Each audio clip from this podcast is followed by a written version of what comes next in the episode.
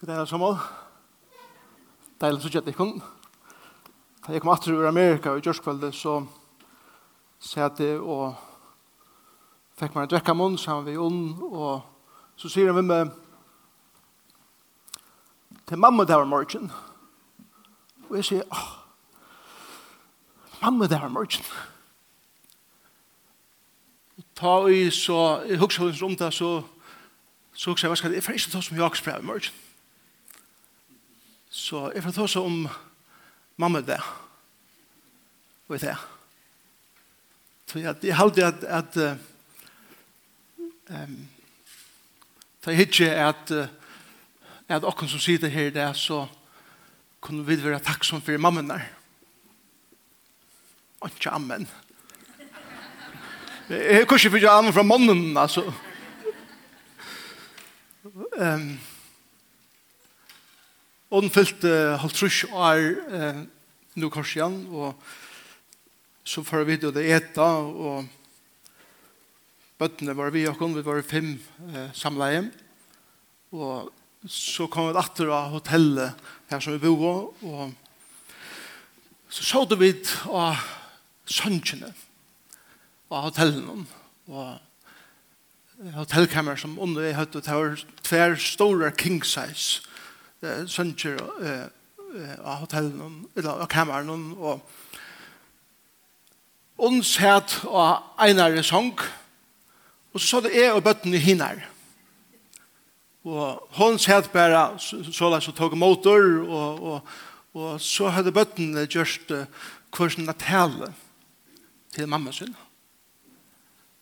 Og ta huksa i om at det er hvordan størst det er, at bøten kunne hitja i egene av mamma sønne. Og ikke bare si takk for at du er en god mamma, men verlig jeg sitte åra, djup åra, vel djøkken hos seg åra, for en tøtning hon hever og hever haft. Vi tar av liv. Og jeg ser der og hun sier, wow, det er størst. At, at mamma kan få møveleikene og fremmedgjøratten at kunne høre sånne bøten nevne alt møvel er det gode som hever eh, på enkla måte haft denne store og djupa avvarskan at hei oppsøknen liv. Det er størst. Og så kom vi hjem etter, og det var samtidig som vi var i Israel, og så stekket vi noen der, og feiret føringer til og så kom vi hjem etter eh, til førjer, og til samme kvölde som vi kom hjem, kom mamma min, jeg vil ikke åkken, og en vik.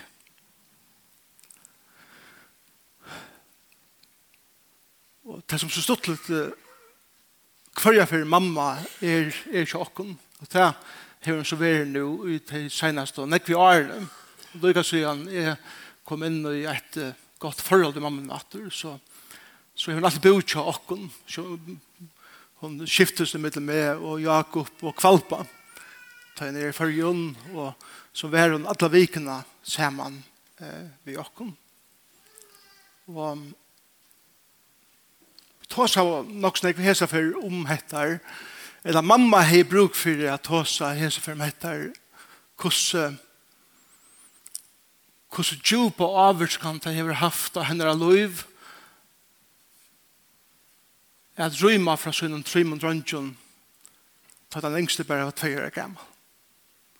Og han har bruk for at, at sitte år at jeg hese for og Og det var ordentlig godt, og det var godt for meg, og det var godt for dere begge, at, at gråta saman og fenna saman og holdsfennast.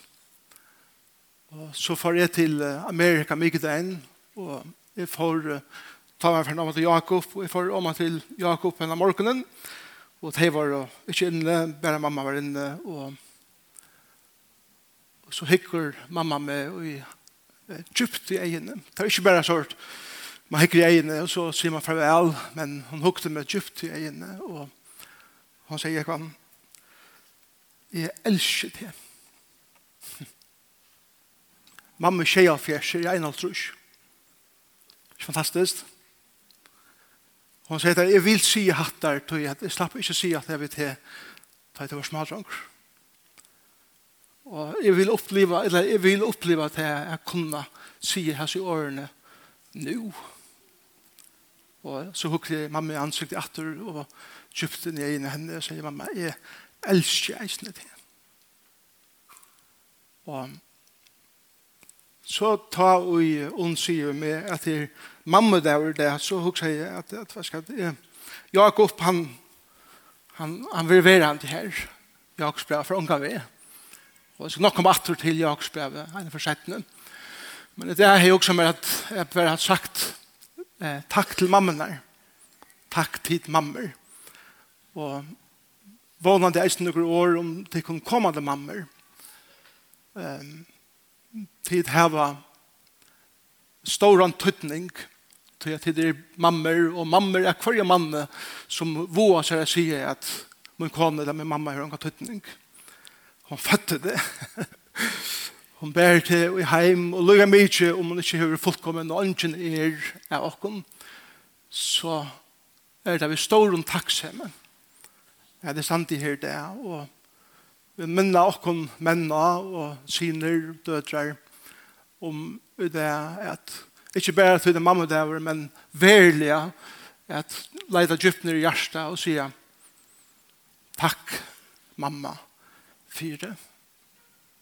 Hvordan du har lett meg, og hva du har vært for meg. Et av det som jeg elsker via Feras Israel, er er det her, hver jeg er det her, så, så lærer jeg okkurs nøyt. ikke okkurs nøyt. Lærer jeg okkurs nøyt, for jeg nøyt innleid inn i skriften her, og, og lærer nøyt av sannleggar uh, i jøknum andre. Og hendet det inn, nå tar vi var i Israel av påsken, så får vi en dag inn i Samaria, eller Vesteråbakka. Og vi får til Silo, Jeg er i silo før, men jeg angår det finnes ikke hans sannleggen før. Og den hebraiske guiden som er vi og kun, som er en uh, jøte, som bor i den vestre overbakka. Det er Aron.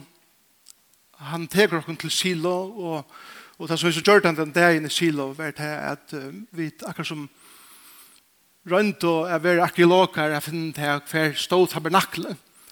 Så jeg tabernakle som uh, ursøsfolk hadde vi ser ur, som ble bygd i øyemørsene og hadde vist her inne i Talavia landet stå i ivet trøyendra her i Silo.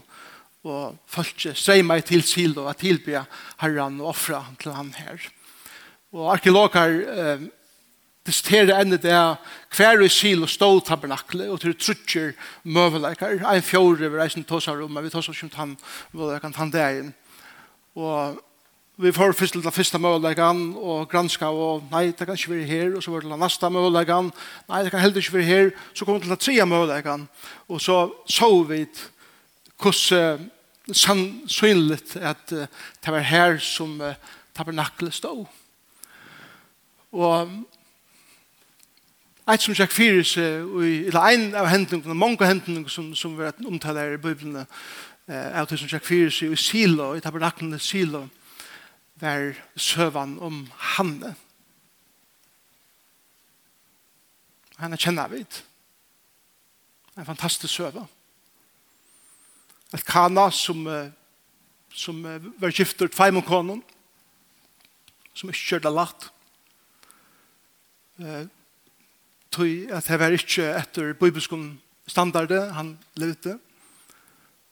Ein er Penina og hin er Hanna. Hanna.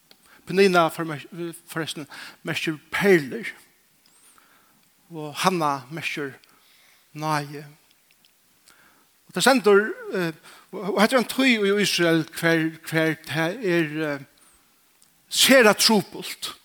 Og folk er jo vent seg fra gode, og selv om tabernaklet enn stender i silos, så, så er det farge, farge folk som kommer til her tilby. Men Elkana var en god rødgen maver.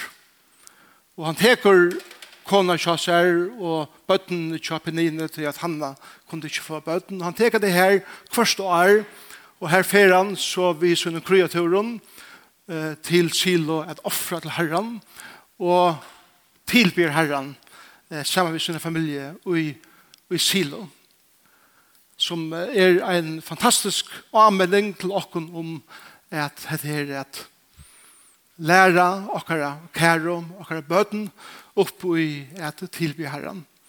Og det gjør jeg første år. Men trobeleisen eh, i søvn om han er han at Penina brukar sina perler som er henne i bøten er for å arke henne vi. Da sender vi teksten om at først år som det får var Hanna sorgabunden og kjedd til at Penina arka i henne. At to hører ønskebøten og Og for en hebraisk kvinne til at unge bøtten heva, og målet var lett etter, var tidlig som en, en forbannelse fra gode. Og for fra ærgelse var ui tilbjørende, at du kan ikke tilbe god og samme hatt som er til. Han er ikke måttet her, men ikke måttet mer. Hikker som sikna med. Du hever ikke er heve. Og tess leie er, er nyer kjering. Og, og han var blev kjettere og kjettere.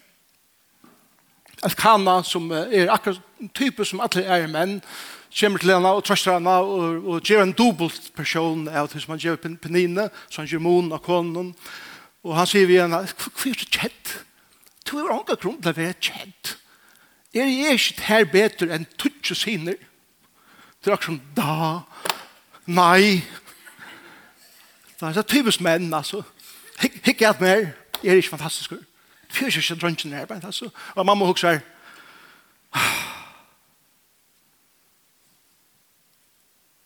God.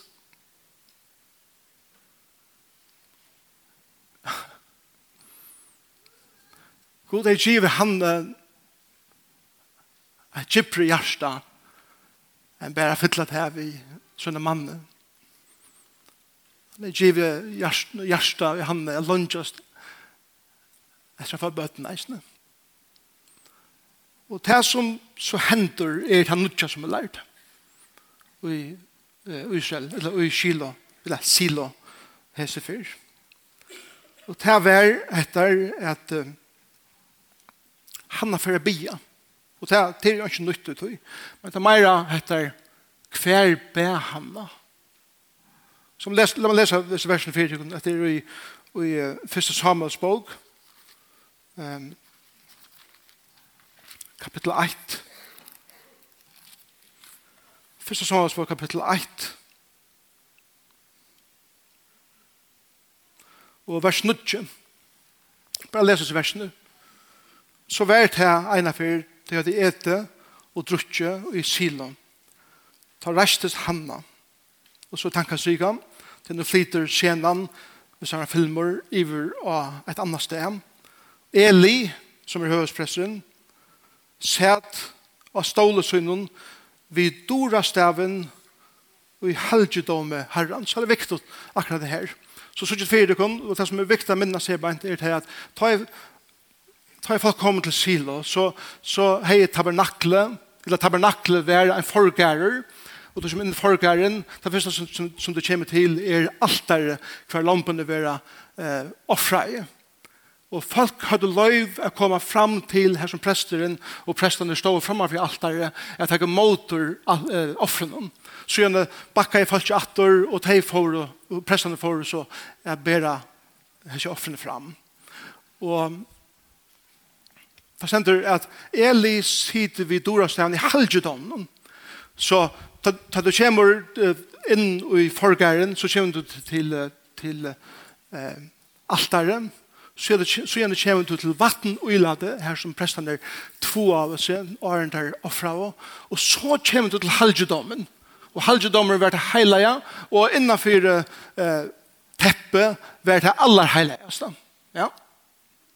Eller sier vi dora stavn i halgedommen, det er det samme som han sier, 18-4, eh, eh, skjedde, eh, her som du har offra, eh, offerstegjen, og vatten og lete. Så stender her beint at Hanna restest og var stutje og i hjertas sorgsyne be hon til herran og græt sørlige. Og hun gav lyfte og sier, Herre god, her skal jeg henne venter to eion tøynen og at henne og kvinnen tøyna og i nei hennara.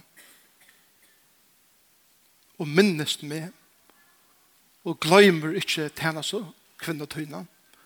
Men djever henne og kvinnen tøyna sånn så skal jeg djeva herren han atla løs til hans herre og rædje knu skal ikkje komme og høtt hans herre så leis be hon lunge fyrir av kjønn herrens.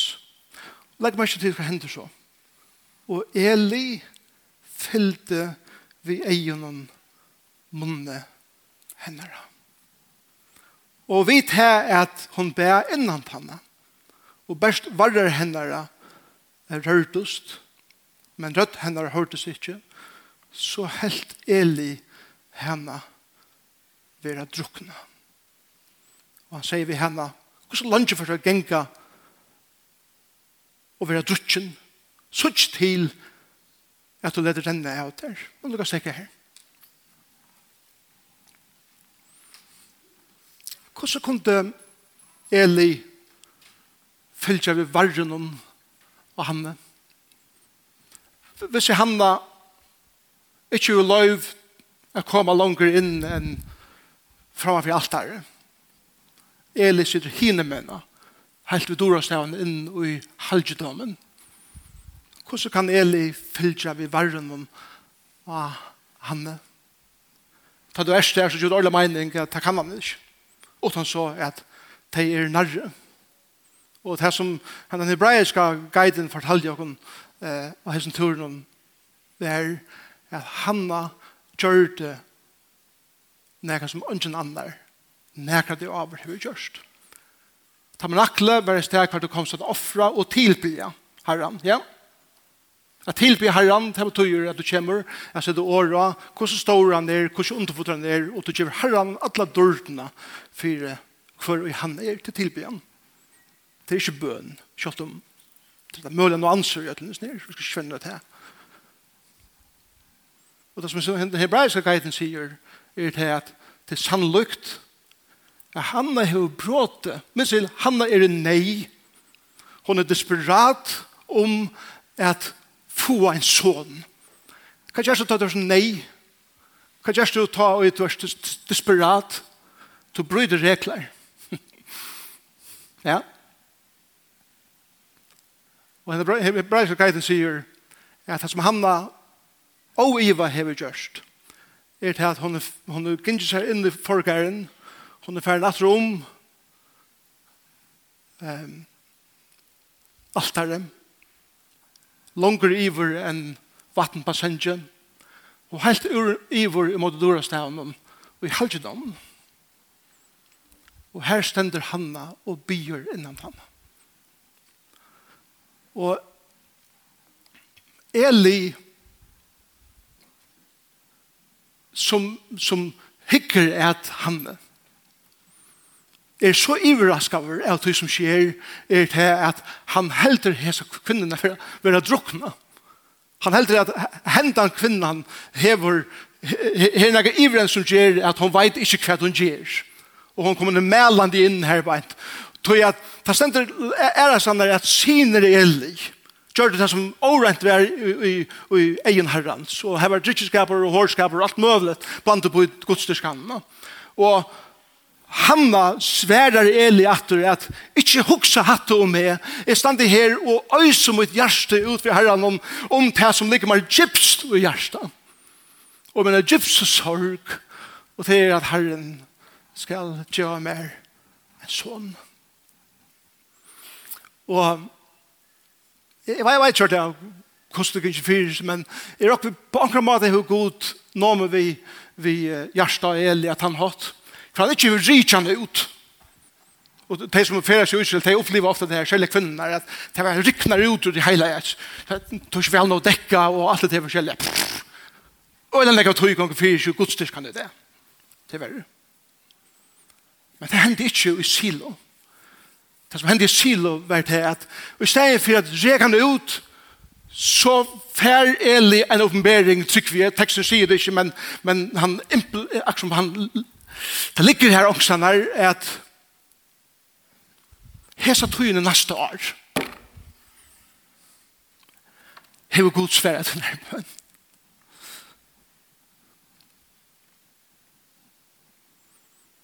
Selv om han har bredt reglene her.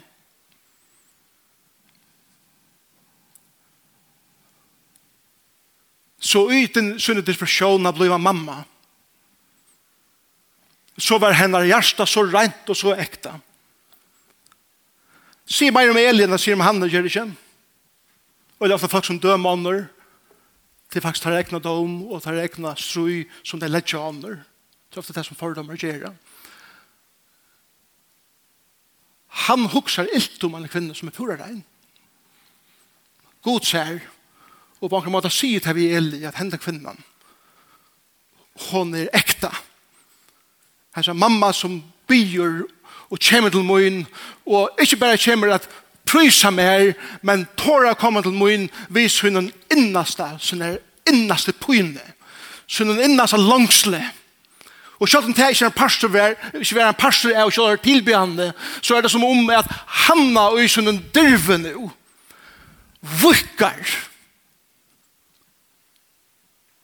godstyrskanene i Israel, og til ikke bare være et sted hver du offrer, og hver du priser herren for hvordan han er, og hva han gjørst, men eisene er at du vikker deg til å kunne komme inn i dette stedet og legge framfor herren til den dyraste nei. Til den innaste langslar. Til den djupaste hjertemål. Fyre honom. Og han gjetter. vet du hva han? Samuel. Men still, heter han tog i Israel, ta og ut og sender og trolig etter til antallet. Herren fer å reise opp unge menn og unge kvinner og i tøyun ta det sender til i. Men unge menn og unge kvinner koma bæra og i djøknum mammer og papar og ommer og appar og ommer som og i sånne djupaste hjärsta dype og i sånne djupaste hjärsta nei råpa til god om jeg kunne få et slukt baden Samme var føtter inn i en tog i Israel kvarter, antallia, torst, Og god reiser denne mannen opp til at bli en mann og i Israel som øyser sikninger gods i vår land og folk.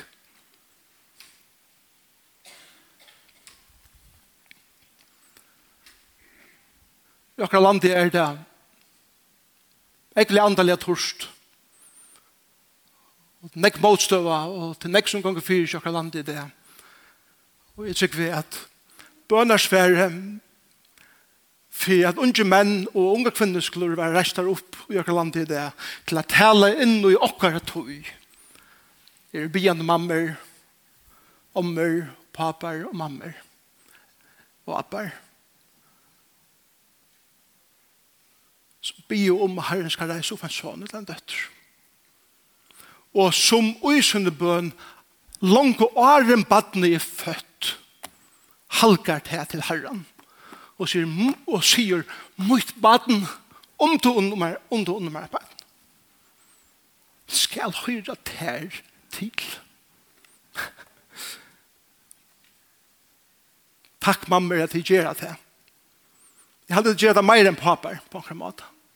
På en måte er det det er ikke mye observasjon her med sjokken. At det er nekk mer ond som blir for endelig for bøtten enn det er Men takk for at jeg gjør det. Så kom jeg også om når jeg var her. Og er ikke fra hebraiska eh, guiden. er noe som jeg har akkurat som men jeg kan ikke huske om vi er selv. Og, og så lykke jeg finne versene i bant som at jeg bruker til at underbygge det vi. Jesus renser tempelet i Jerusalem. Minnes du det? Han kommer inn i tempelet, her sier menn og, og, og selja og, og alt det her er jo offertøy i tempelen, og folk streima alle sånne fra og koma, skulle få fært i lampen og doen og alt det hva det kjeipa, og så vi er Og der sitter her og veksla pening, og seljes lampen og doen er for nekk meir enn det åtta kost og så vi er Og Jesus kommer inn i forgærende tempelen, opp mot eh, helgedommen. Og hva gjør han?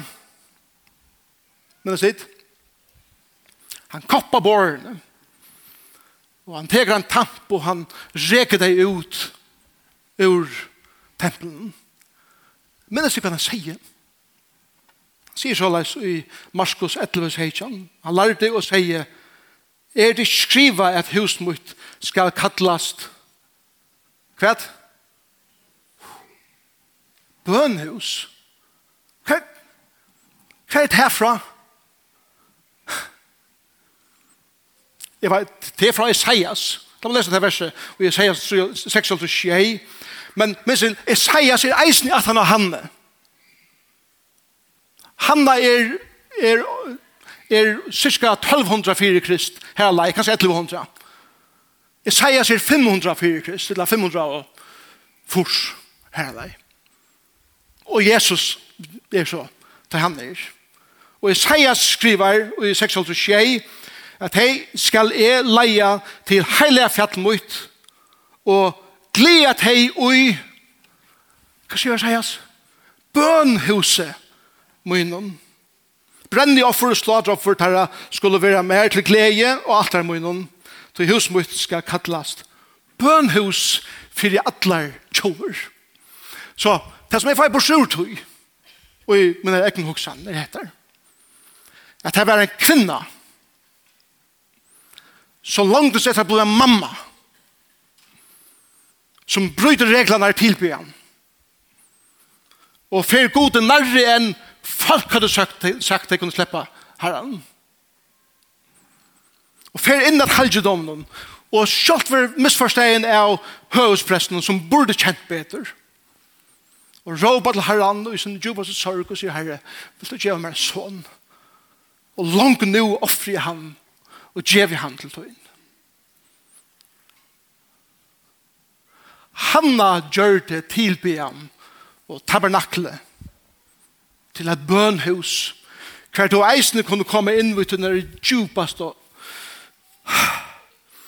djupaste svaren djupaste langslån djupaste innsjøn alt det som la tær og hjärsta jeg sier vi god let han opp til jeg sier nu heretter skal mitt hus være bønhus.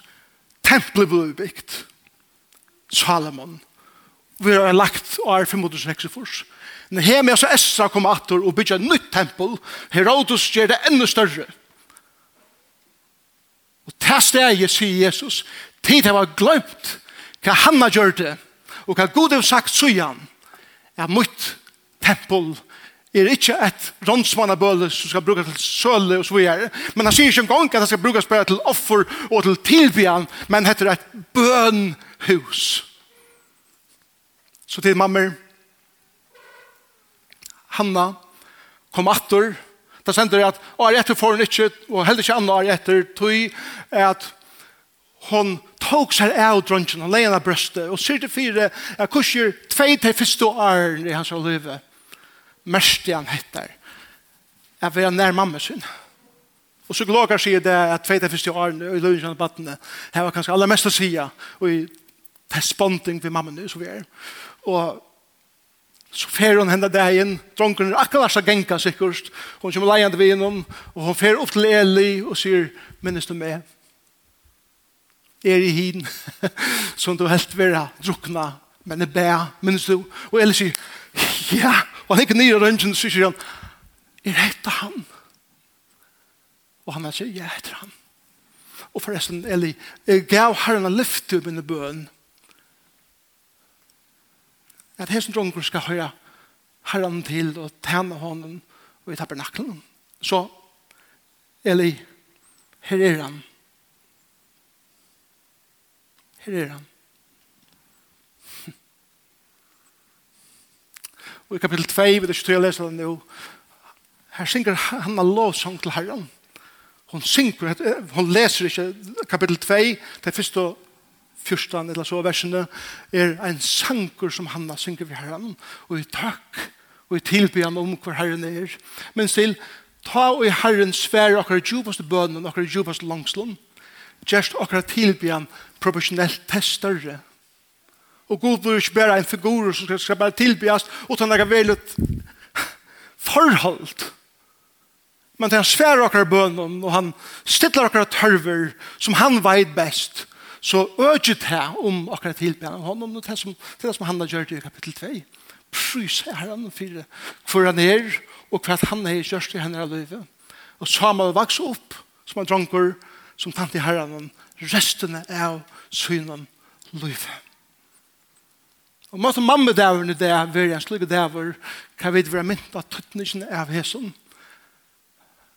Er vi først at tåra er bråda reglene som vi men kan sete om for jeg kan Gud hava det god.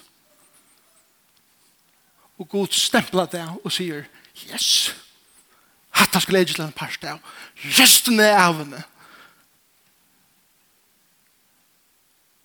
Og tog er det at en bedre mamma